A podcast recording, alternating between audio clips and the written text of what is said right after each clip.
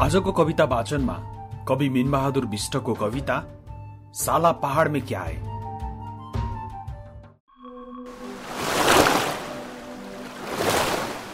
मुहानबाट निस्किएर फुत्त कहीँ हुत्तिँदै कहीँ थामिँदै तर कहीँ कतै पनि पछाडि फर्केर एक नजरसम्म नलगाउँदै बरु उल्टै दुई किनारहरूमा सालिक झिउ उभिएका रोगी पहाडहरूलाई लात हान्दै बेसरी भागिरहेछ नदी देश छोडेर।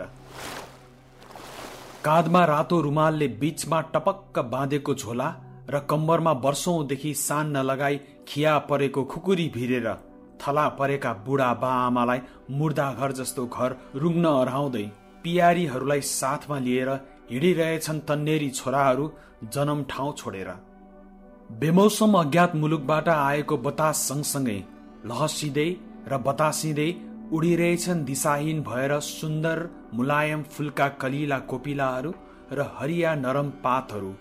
बिल्कुल नाङ्गो र कुरूप पार्दै पर्वतका श्रृङ्खलाहरूमा लाम बाँधेर परेडमा उभिएका सिपाही चाहिँ उभिएका वटवृक्षहरूलाई।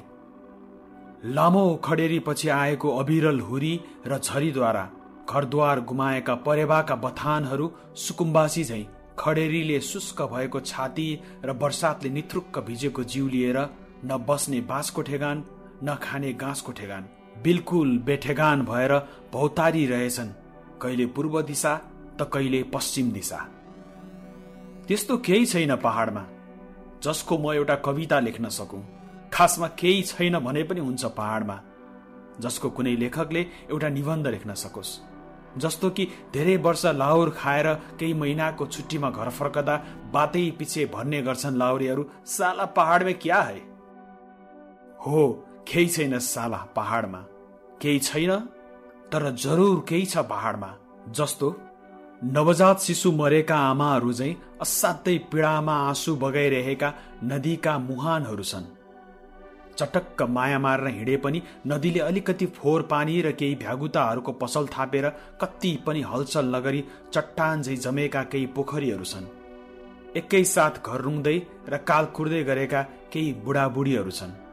अनुहार सकिएका केही पर्वतहरू र यौवनमै ठहरे परेका केही वटवृक्षहरू छन्।